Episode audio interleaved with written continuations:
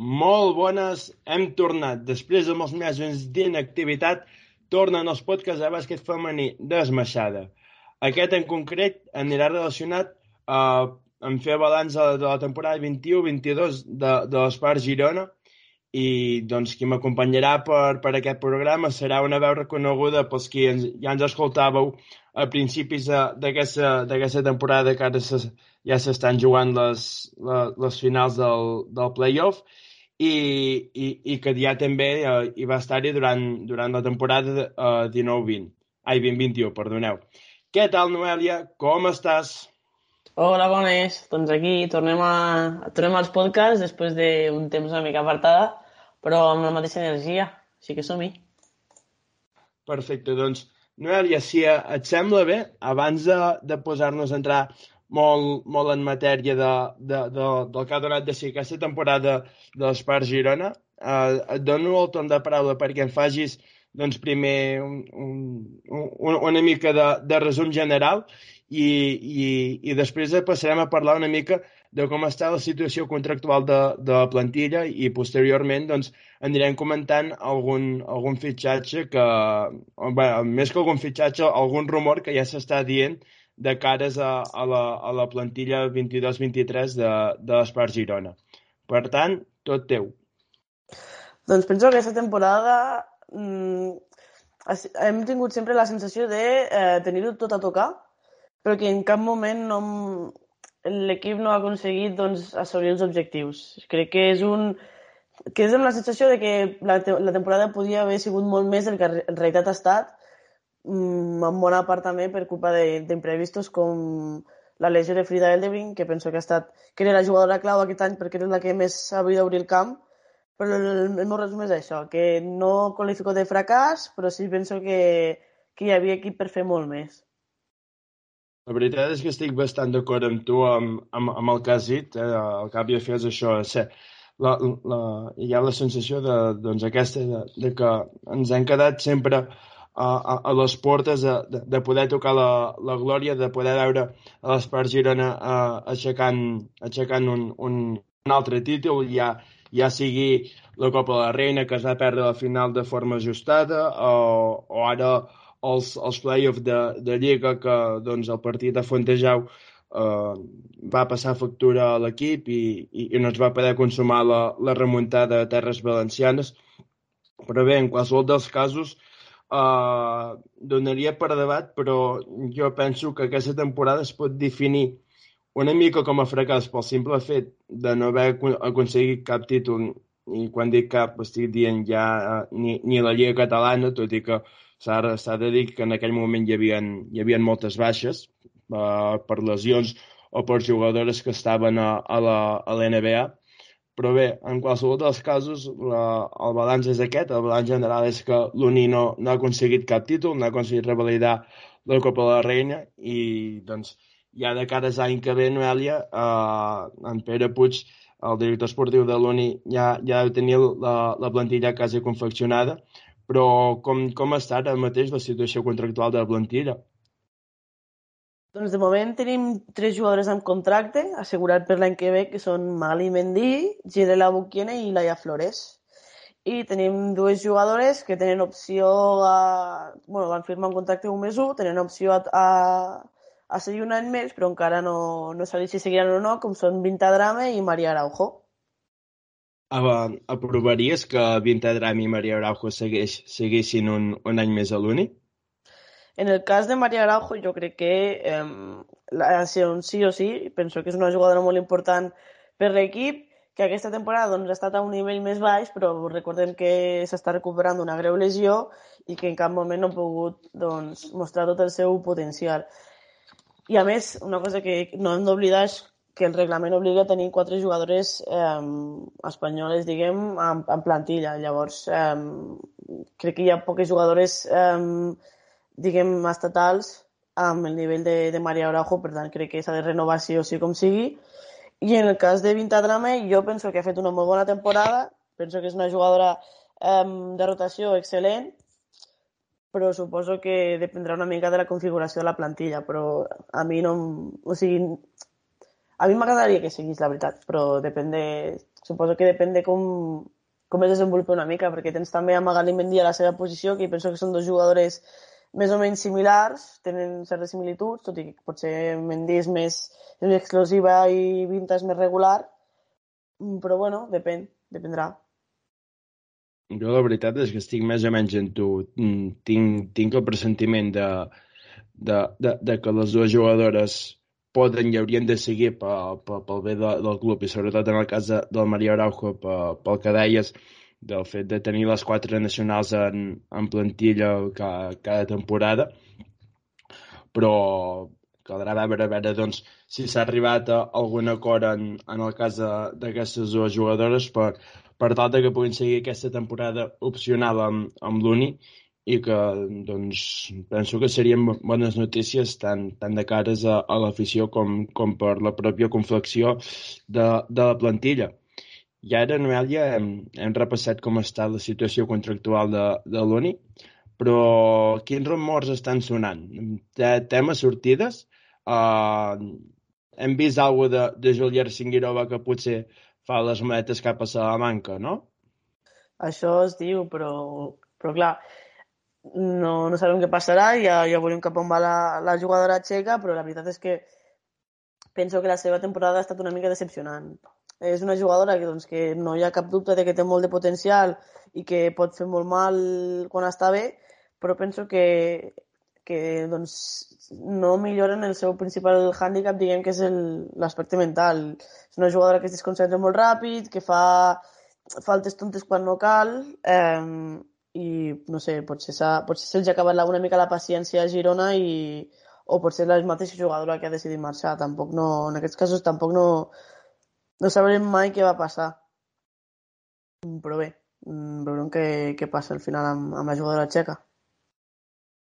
Mm, doncs sí, la veritat, eh, de, de moment estem bastant d'acord amb tot el, el que s'ha dit. La temporada de Júlia Ressingera potser era més per reivindicar-se una mica, ja, ja que l'any passat no va ser del tot potser la, la peça fonamental que, que, que faltava per, per completar doncs, un, un joc interior important i, i, i aquest any doncs, no hem vist cap millora. És més, potser a nivell personal penso que, que han pitjorat una mica el seu, el seu rendiment uh, i bé, doncs això també ha, ha afectat l'equip i sobretot en, en aquestes últimes setmanes de Lliga regular on hi havia tantes baixes al, al, joc, al joc interior, ai, al joc exterior, perdona, i que doncs, ha costat molt poder tirar partits endavant com, com els de Movistar Estudiantes o, o, o que dir la seu que els dos es van jugar a Fontejau. Però bé, caldrà veure, a veure si, si es confirma aquest rumor que jo he vist al diari de Girona, de que potser Júlia Recingró feia, feia les maletes cap a Salamanca, però pel, pel que fa a arribades, eh, Noelia sembla que, que Irati eh, hauria d'estar a punt de caure, no?, cap, cap a Girona. Sí, tot indica que Irati Charri jugarà l'any que ve a Girona.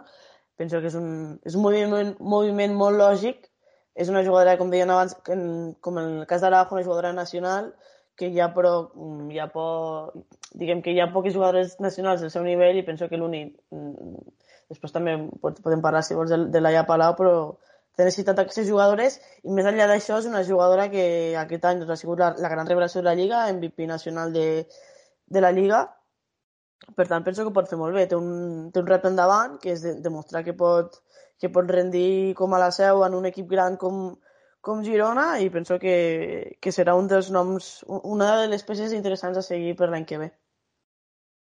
Ho comentava amb, amb, amb gent per, per les xarxes socials o, o ja amb amics i, i sí, Irati Echarri té, té, té l'opció de, de fer el seu primer salt a, a, a un equip top d'Europa però que potser no, no tindrà pas el, el mateix pes ofensiu que, que, que, que, que, que el que tenia la seu, no? Al cap i de fi són, són dos equips molt diferents. A, a la seu es jugava per ella, a l'Unici bé uh, no serà el pal de paller, segurament. Caldrà veure, veure doncs, si, si, si es renova Rebecca Garner, tot i que sembla que s'està dient alguna de, de, que podria, de que podria renovar. Uh, llavors també veure també què passa en Kennedy Burke, que també ha estat una jugadora vital pel, per, per l'únic aquesta temporada. però en qualsevol dels casos sí que és cert que, que l'arribada d'Irati Charri seria un, un, una excel·lent notícia per, per, per l'Uni i, i que a sobre doncs, ja aniríem emplenant aquest cupó de, de, de nacionals que, que es necessita, no?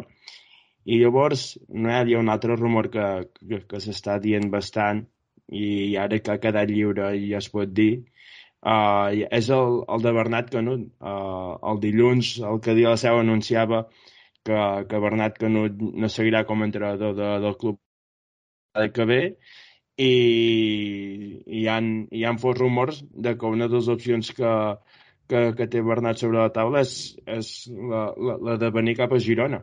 Com, com veuries l'arribada de, de l'entrenador urgellenc aquí a l'Uni? Doncs penso que seria una bona notícia. Potser és un, és un entrenador que porta molts anys a la seu, mm, que no ha sortit mai, en certa manera, bueno, no ha sortit mai d'allà, doncs si allà crec que té un estil de joc molt definit, que és eh, mm, jugar corrent. Eh, potser tàcticament no és, el, no és l'entrenador més complex, però penso que, que sap portar molt bé els equips i penso que um, si, bueno, pel que es dibuixa de l'equip, mm, penso que és un, un entrenador que li pot anar bé. És un entrenador que li agrada córrer. Eh, a l'Uni també, en aquests últims anys, amb Julve doncs, és un equip que també s'ha dedicat a córrer. Eh, un entrenador que jo penso que té bon tracte amb les jugadores i que, doncs, que, que li aconseguís sempre treure el millor de les jugadores. Recordo també el cas de... Bueno, casos de jugadores que han arribat a, a, a, la, a la seu amb, doncs, una mica amb dubtes i que han acabat explotant i penso que, que seria una bona notícia. I a part, també és un entrenador català mm, que es pot integrar ràpid, així que per mi és una bona notícia. Oh, tant, sens dubte. La, la, la possible incorporació de les banquetes de Bernat Canut per l'ONI seria una gran notícia. De fet, ho serà per, per qualsevol club on vagi, perquè en Bernat Canut i ja només veient aquesta temporada ja ha demostrat que té talent suficient com per treure uh, suc a, a totes les seves jugadores i, i, i això s'ha vist, per exemple, amb el progrés d'Irat i Xerri des que va arribar ara fa 4 anys i fins, fins a dia d'avui. Uh, um, abans d'ahir estava mirant estadístiques d'Irati i en la seva primera temporada estava fent una mitja de, de 4,4 punts, crec que eren, i, i, i sense anar més lluny en, en aquesta n'ha acabat fent tret, quasi 14, 13,7 crec que eren per ser exactes, o sigui, Irat i Charri pot, també podria estar bastant contenta si, si veu que, que, que Bernat Canut eh, se seguirà sent el seu entrenador, més que res perquè també ja, ja coneix el seu model de joc i, i sap com, com, com, com aprofitar a, a la pròpia jugadora, l'entrenador. Per tant, doncs, aquests són els grans rumors que s'estan dient ara en, en aquestes primeres setmanes de, de mercat, tot i que, com hem dit abans, encara s'està jugant la Lliga, s'estan jugant els play, la final dels play-off, on el València i Perfumeries doncs estan, mira, estan repetint una, una final igual que l'any passat i a veure qui, qui, qui se l'emporta. Però en, en qualsevol dels casos, Noelia, eh, també volia comentar per, per com veus el tema Laia Palau la veus amb opcions de seguir un any més o creus que aquest ja ha estat el seu últim any? Mm, què en penses? Mm, jo penso que físicament pot seguir, és a dir, és una jugadora que, mm, malgrat l'edat que té, sempre acaba la temporada semblant dels que doncs, més energia té.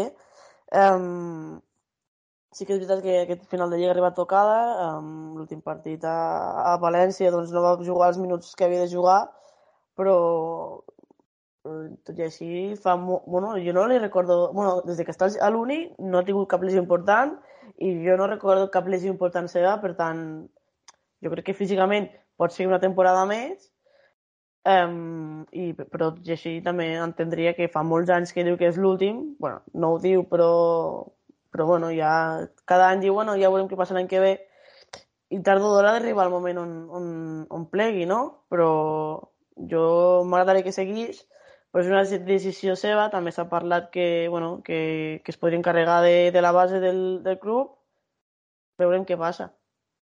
Però jo voldria que seguís. O sigui, sí, sí, si t'has de guiar per sensacions, dius que segueix o no, perquè una cosa és el, el que tu vulguis d'acord, però per sensacions, què, què diries? És el que et dic, que per sensacions físicament, doncs jo crec que sí, però després també hi ha les declaracions i tal, i ja no en tinc ni idea, la veritat. Doncs també és, és un altre tema important uh, aquest de Laia Palau, saber si retirarà o no, perquè uh, també ha sortit el rumor de que podria arribar Laura Cornelius uh, a l'Uni i bueno, tenir tres, tres bases. En el cas de, de que segueixi Laia Palau no crec que sigui el, el, el millor, el millor de, de cares a l'equip i més quan penso personalment que, que no hi ha cap jugadora que, que també en moments puntuals pugui jugar al 2 com si fos un, una escorta normal, com potser podem veure amb Laia Reventós el que diu la Seu, que, que per qualitats individuals té nivell de sobres per jugar a la posició d'escorta, però en canvi no veig ni Laia Flores, ni Laia Palau, ni, ni Laura Cornelius jugant en la posició d'escorta.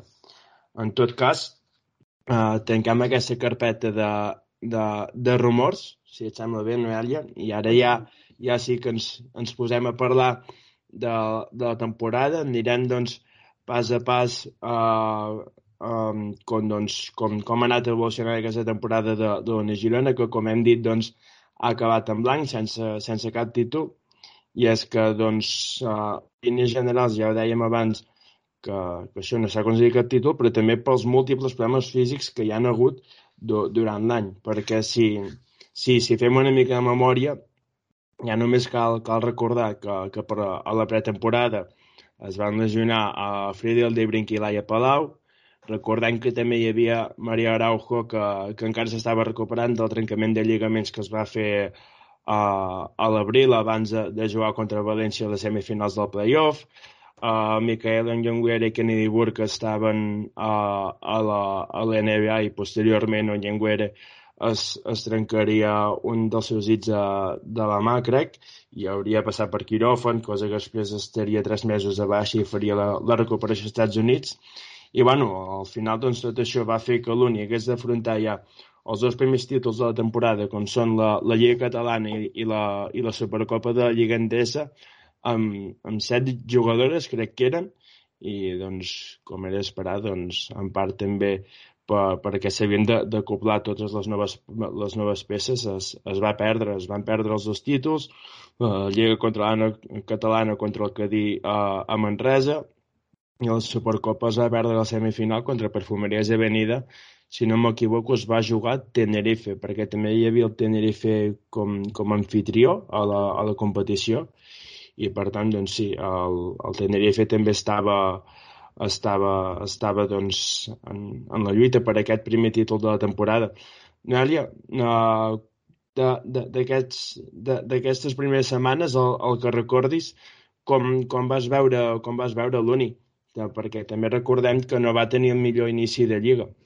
Que penso com tu, penso que l'Uni doncs, va començar la temporada en una mica remodel de totes les circumstàncies. No és el mateix preparar una temporada comptant amb unes peces i després tindran unes altres. Llavors, penso que, que li va costar, també hi havia jugadores noves i, bueno, potser podem parlar, si vols, de, de la derrota contra el Campus Promete, 68-46, mm, que penso que, que va ser un dur correctiu i un, no sé com dir-ho, i una bufetada de realitat.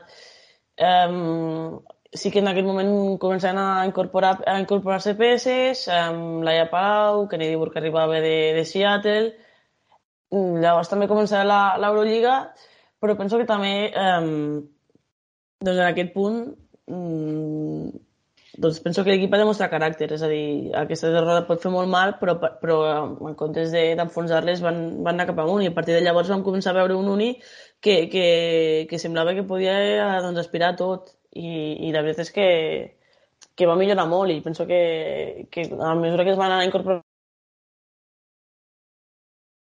l'equip i va anar assemblant-se allò que havia de ser. Doncs sí, la veritat és que sí, és més, des de, des de la jornada 4 fins, fins al 16 de gener, que és el partit de, de, de la segona volta contra València a la Fonteta, l'únic aconsegueix fer un balanç de 17 victòries uh, per només 4 derrotes. 4 derrotes que, que 3 d'elles arriben a, a Eurolliga, tres derrotes que, bueno, et pots esperar perquè uh, doncs, te'n vas a jugar a Kursk, te'n vas a jugar a Fenerbahce, et ve Galatasaray, llavors sí que potser uh, et sorprèn una mica que vingui el Guernica a Fontejau i, i, i et guanyi la pròrroga, però bé, a, a, línia, a línies generals uh, podem dir que, almenys sota el meu punt de vista, que uh, després de la derrota contra Promete i aproximadament fins a aquestes, fins a aquestes dates que us dic de, del partit contra València, per mi es va veure el millor unir de, de la temporada i el millor de tot és que ens van passar gran part d'aquest tram um, amb només nou, nou jugadores. Recordem doncs, que sí, havia arribat ja Kenny Burke i hi havia la, la, la Laia Palau, però Friedel de Brink encara no, no havia debutat uh, fins al partit de Fenerbahce i Fontejau, però després, al cap de 4 o 5 partits, si no recordo malament, torna a caure lesionada. Uh, llavors també ens tenim a Micaela Onyenguera, que havia arribat uh, doncs, feia un mes, uh, va arribar pel, pel desembre aproximadament. Uh, també al desembre en marxa Júlia Soler i arriba Mendy, per tant, una altra peça a acoplar uh, dins, dins el sistema de l'equip. Araujo també juga els primers minuts a finals de desembre, crec que és a principis de gener. Al final, doncs, són, són tot, tot, de, tot de problemes que ha anat tenint l'Uni i que, doncs, en, uh, com bé dic, uh, en, aquests, en aquests mesos de, de la temporada va, va ser quan, quan van gaudir més de, de l'equip, perquè si, si després seguim fent una mica de, de memòria, Noèlia, ens trobem que, que, que, que després del partit contra València l'Unim cadena uh, un parcial de, de, de 7 victòries per 6 derrotes abans de, de començar el Copa de la Reina comptant playoff d'Eurolliga. És a dir, en, en 13 partits l'Uni uh, havia, havia perdut més partits que en els 21 anteriors. Uh, números no gaire bons per tal d'afrontar la, la Copa, no, Noelia? Sí, jo crec que aquí van passar dues coses. Tot això que dius tu de moviments de jugadores, que al final doncs, desequilibra una mica, crec que també cansanci acumulat, és a dir, cansament, perdó. Um, doncs, com hem dit abans, l'Uni va començar la temporada amb molt poques jugadores i al final doncs, les jugadores que sí que hi eren doncs, van haver d'assumir molts minuts. Um, les americanes, Kennedy Burke i, i Garner, doncs, jugaven una minutada cada partit i al final doncs, tot això es nota. I penso que van pagar això i una altra cosa també que penso que l'Uni aquest any mmm, les dues americanes que va, va fetxar, Burke i Garner, com diguem, van ser grans encerts. Són jugadores que, que venien una mica de tapades i que han rendit a un nivell espectacular. Eh, Burke, una jugadora super jove que ve del, del pitjor equip italià que de l'any passat eh, i Garner, una jugadora que, tot i que a mi em sorprèn eh, també la, la trajectòria de Garner perquè doncs, sempre que amb tots els equips on havia estat sempre havia fet temporades espectaculars amb números increïbles però mai ningú en certa manera li havia donat l'oportunitat de demostrar tot això doncs, amb un equip gran i l'Uni ha sigut doncs, el més llest diguem, de la classe i, i se l'han portada i penso que doncs, eh, al ser dues americanes de perfil baix potser els scoutings que li feien la gent doncs, eren menys menys exhaustiu, saps? Hi ha menys, més material i són dues jugadores que jo penso que van sorprendre a molta gent. I cap a la segona volta de l'Eurolliga i quan ja havien passat mesos, doncs la gent ja va començar a veure doncs, qui eren Kennedy Burke i Rebecca Garner i penso que, que doncs, van començar a haver-hi millors defenses contra elles dues, també l'equip era més conegut i penso que no penso que les frenessin, sinó que elles mateixes, doncs a mi em va donar la sensació que van que va un moment doncs, que, que doncs, que van frenar una mica, però perquè, per adaptar-se a tot això. I doncs tot això, llavors suposo també per un partit doncs genera una mica d'inseguretat i arriba la copa i doncs estàs en un moment doncs, que, que tens tot això al cap, saps? Sí, la veritat és que sí, però estic bastant, bastant d'acord amb, amb, amb el que estàs dient. I ja ara que, que estàs parlant de, de la Copa, uh, l'Uni a línies generals podem dir que fa, que fa una gran Copa, s'exhibeix davant, davant l'estudiant i després a, a la semifinal s'ha de veure les cares contra l'equip anfitrió, el València, i tot i així doncs, uh, aconsegueix treure el partit endavant i, i doncs, tot, tot i patir moments de, de dificultats al, al llarg del partit, uh, aconsegueix la victòria i, per tant, el, el pas a la final, i llavors sí, uh, arriba a la final contra Perfumeries Avenida, uh, la primera part molt igualada, després el, el, el tercer període va ser una mica com, com la semifinal de, de la temporada passada. Recordo que el Perfumeries Avenida doncs, és clar dominador de, doncs, dels, dels tercers 10 minuts del partit i se'n va, doncs, en aquest cas, a, a l'inici de l'últim quart en 13 punts per sobre i ja després l'Uni va intentar doncs, remuntar i de fet es va arribar a posar 3 punts, si no recordo malament, en dos triples de, de Friedel Debrink també en, en els minuts finals que van fer posar emoció al partit però de, al final uh, uh, el Perfumerias doncs, també cal reconèixer que, que, que hi ha un equipàs i, i un gran entrenador darrere i, i, i es va acabar doncs, enduent el títol i, i per tant uh, treure aquest uh, el, el, el títol a, a l'etern rival que podríem dir per, per ser una mica clars uh, com, com és l'Uni Girona.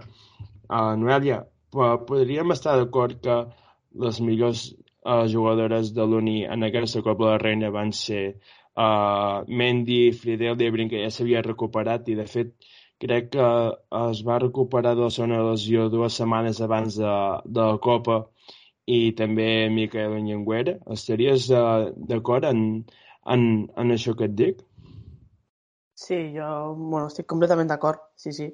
I lo, de, I lo de Frida jo crec que té molt mèrit, és, una, és, és a dir, venir a estar un munt de temps parada i, i és d'aquestes jugadores que, que li agraden les cites importants i que la veritat és que és una llàstima que no l'haguem pogut veure més, la veritat. Sobretot en aquest últim playoff final, perquè hauria sigut una altra cosa, la veritat. Sí, i ho vaig dir jo, jo per Twitter i la veritat és que sí, no, no, no haver-nos podet acomiadar de, de Fredel de Brincamella jugant a, en una pista de bàsquet és, és potser de, de, de, de les coses que menys m'agraden d'aquesta temporada. Potser m'agrada menys que és pel simple fet de no haver vist a l'Uni aixecant cap títol. Recordem que Fredel de Brinc és, és, és una, una jugadora essencial per l'equip i ho va demostrar l'any passat des de, des de la primera jornada. I de fet doncs en, en, en tornejos com, com la Copa també es, es va veure com d'important era poder-la tenir a, a, en, en actiu. I recordant que, que es va lesionar a la final de la Copa mm, la, la lesió que, que, que ha impedit que no la poguessin veure més en, en, tot el, en, en tot el que quedava de Lliga i, i, i que tot i així va seguir jugant lesionada, va seguir jugant lesionada i, i, i, i, va, i va ser dels millors, però bé, és, és una pena no, no haver-nos pogut acomiadar de, de Fidel Debrin, que recordem que anirà a jugar a les seves terres natals, a, a Suècia, amb la seva germana i una de les seves millors amigues, per intentar doncs, guanyar el títol de, de, de, la, de, la Lliga, de la Lliga Sueca. En qualsevol dels casos, Noèlia, seguim progressant a la temporada perquè encara, encara cada temporada recordem que, que l'Uni després de la Copa en un període de, de tres setmanes va haver de jugar set partits de Lliga perquè el 24 crec que va ser el 24 d'abril començaven els, els play-off i els play-off doncs eh, el partit anada i tornada i, i doncs, uh, que pràcticament va, va haver jugar els quarts i les semifinals també en el, en el, en el mateix abril. O sigui, estem parlant de que en, en aquest mes va acabar jugant 11 partits. 11 partits, que això és pràcticament un calendari de, de NBA masculina, no, Noelia? Una mica, una mica per ser suaus, exigents, no?, aquest, aquest tram final de temporada. Sí, la veritat és que sí. És una cosa que tu i jo hem parlat i que, bueno, faré aquí el comentari, si vols ho deixem aquí, però penso que és bastant patètic. És a dir, no pots... A mi em sembla molt bé que vulguis una lliga de 16, de 16 equips i tal, perquè es puja el nivell, mereixen més equips. Però el que no pots fer és mm, tenir una lliga de 16 equips i, i destrossar els 14 que ja tenies. És a dir, no només amb l'Uni, eh? ho hem vist també amb el València, que també ha tingut una, una, una, una llau de lesions i altres equips no pot ser que, que hi hagi tres, tres partits per, per setmana. Penso que, que no és, no és positiu ni per l'espectacle, perquè al final doncs, arriben les jugadores foses i es nota en partits doncs, on, on, on veus clarament que, que, que no, falta el, el punt aquest de el punt aquest de frescura que no tenen les jugadores eh, tampoc per l'espectador, perquè al final doncs, tens allà un, un, un atropellament de partits que tampoc no acabes de poder disfrutar i, i, i tampoc jo crec que, que pel, per l'espectacle, perquè abans ho comentava amb, amb tu, que doncs, per exemple, potser hagués estat millor tindre menys partits de lliga regular, que al final doncs, molts, són, molts acaben doncs, no tenir més història i posar un, les semifinals de Copa tres partits. Però, però bueno, això traslladant el que estàvem dient, doncs sí, que l'Uni té un, un munt de partits, doncs eh, sobre se t'ajunten doncs, lesions de, de la lesió de Frida, eh, Vinta es lesiona també, que va jugar partits, doncs, ho veiem amb, com un homenatge a la cama bastant visible. Garner també es fa mal, després agafen Covid, doncs sumes tot això i queda que doncs, l'equip t'arriba a final doncs, però esbufegant, no? Sí, i, i tot i així l'equip abans, abans del playoff i, i, i posterior a, la Copa, en, en aquests partits eh, restants de Lliga que diem, aconsegueix sumar sis victòries. I, i, I és que també cal tenir present que Onyenguera marxa, és més, Miquel Onyenguera, me'n recordo, acaba la Copa, al cap de, de dos o tres dies crec que es, es diu que té, que té Covid, no juga, i quan ja, i abans de, de poder ser reincorporar a l'equip, uh, s'anuncia que, que, que marxa, que marxa i, i sembla que és més una, una decisió per forçar de, de, dels agents que no pas per, per, per, perquè ella volgués marxar de Girona.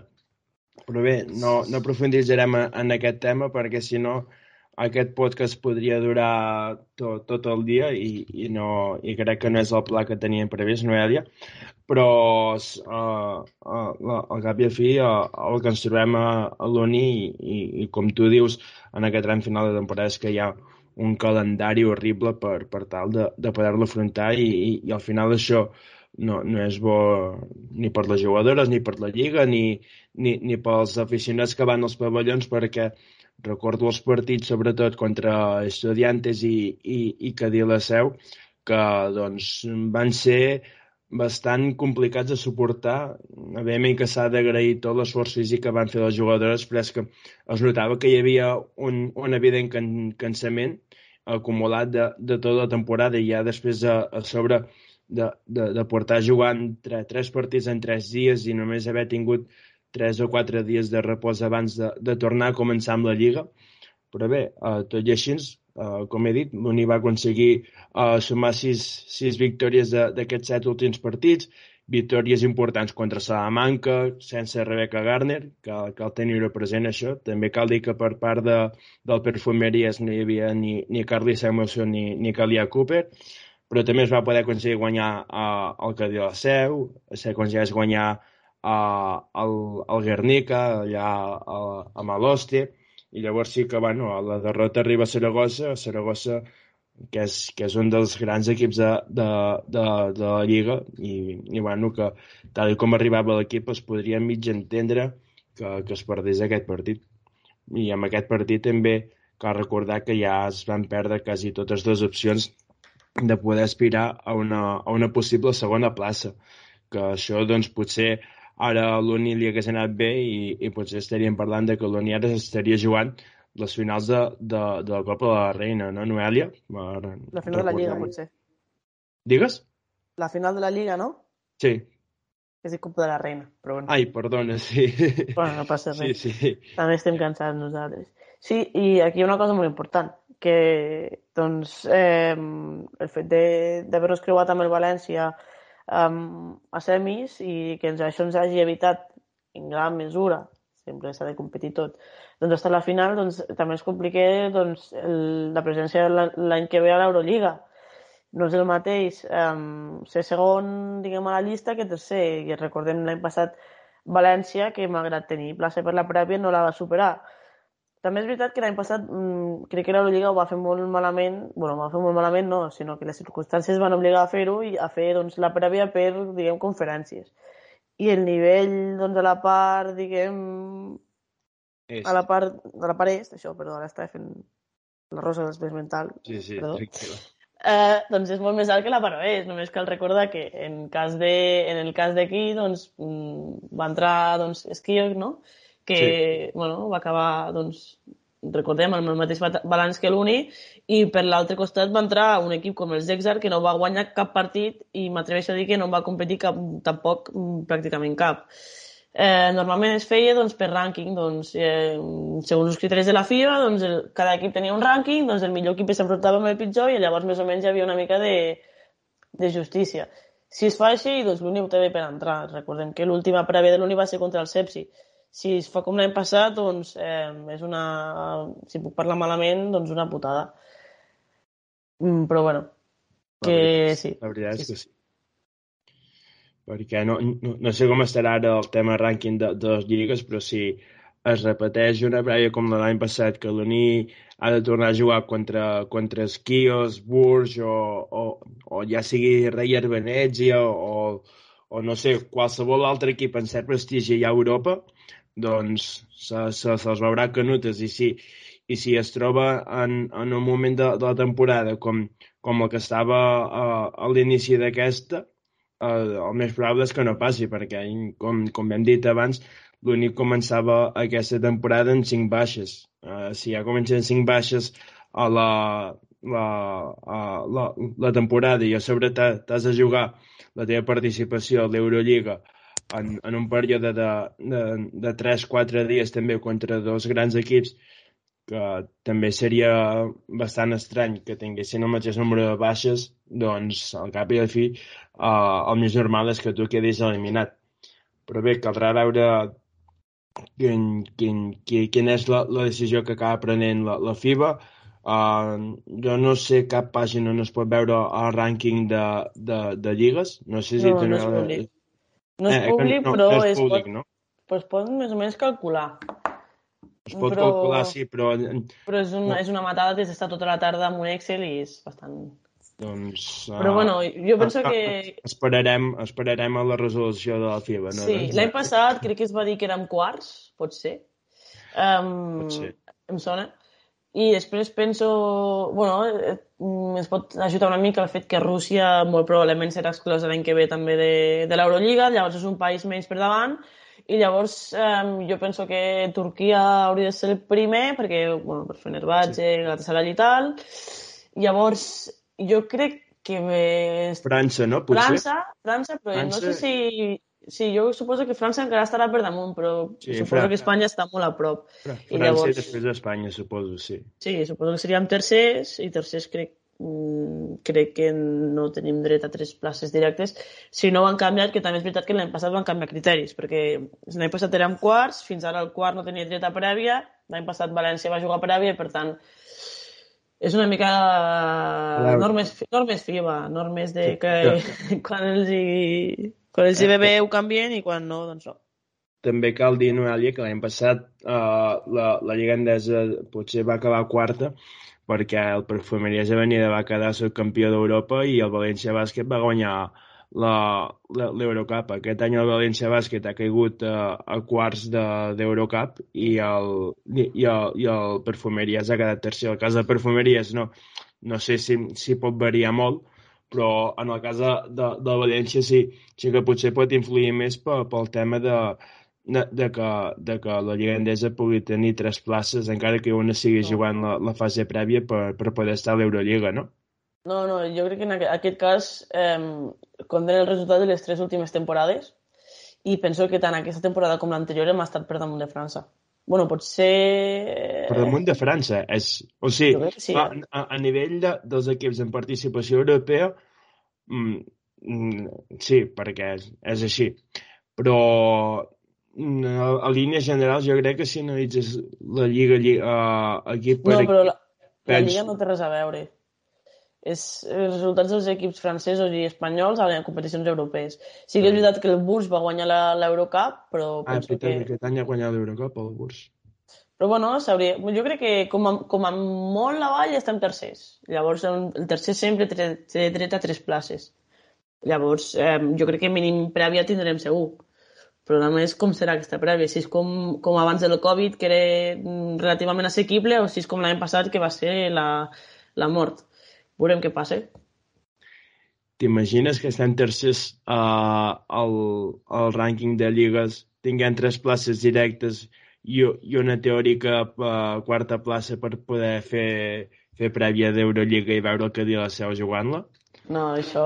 Hi ha, hi ha, una, hi ha una norma de, de la de l'Eurolliga, és que un dia me les vaig llegir, que fica que només hi podien haver tres equips per, per país.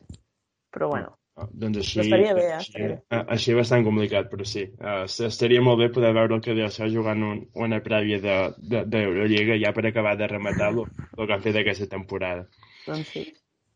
Bé, uh, anem ja per un últim punt que tenia posat aquí el guió per, per donar personalitzat el, el, el podcast de, del retorn, del nostre retorn, i és, doncs, bueno, el, el que ha passat uh, recentment, i és que el València, doncs, uh, va eliminar uh, a l'Uni Girona a les semifinals de, del playoff de forma merescuda, sobretot pel, pel partit d'anada de, de, de Fontejau, on, on el València doncs, va acabar amb, amb una renta de, de 12 punts que doncs, va saber gestionar bastant bé uh, en, a la Fonteta, a, a casa seva, davant, davant la seva afició, i, i bé, doncs, Noelia, uh, tram final també a marc de, de l'Uni i, i que doncs, és una mica el que portem dient al llarg de, de, de tot el programa, no? que hem estat molt a prop de, de tot, però al final res.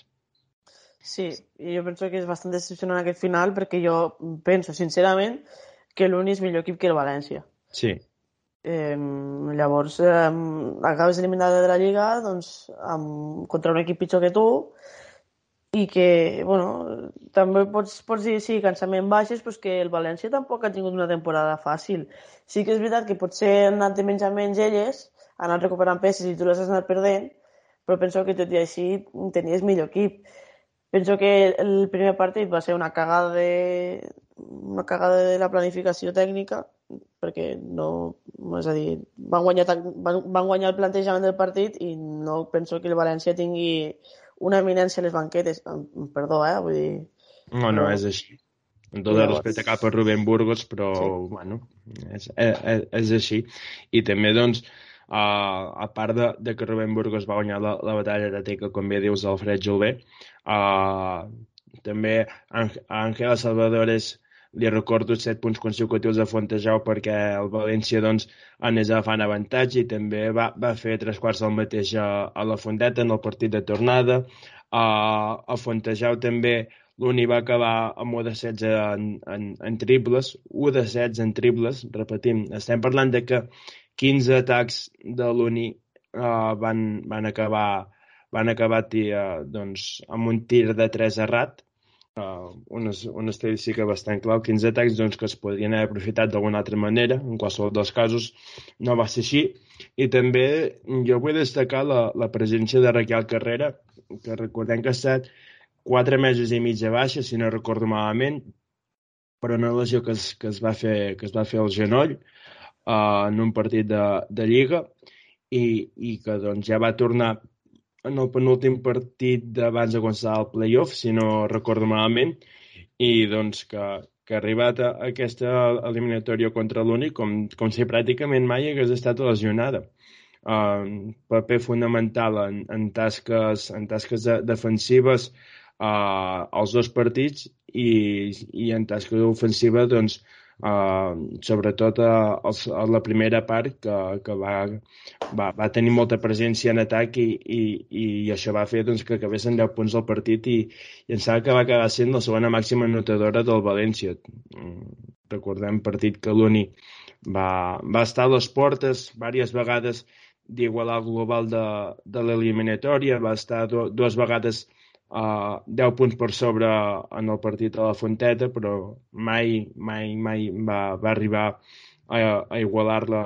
I, bueno, doncs, de forma merescuda s'ha de reconèixer que l'Uni ha quedat eliminat i, doncs, toca, toca, toca posar punt i final, toca moment de, de déus i, i més tard de benvingudes.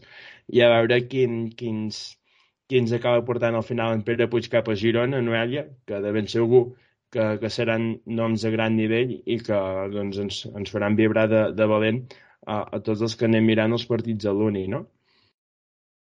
Doncs sí. I bé, doncs amb, amb això donarem per finalitzat el, el podcast, el podcast del retorn, el podríem qualificar. Uh, espero que hàgiu, que hàgiu passat una bona estona i res, ens, ens, anem, ens anem veient. Que vagi molt bé. Adeu.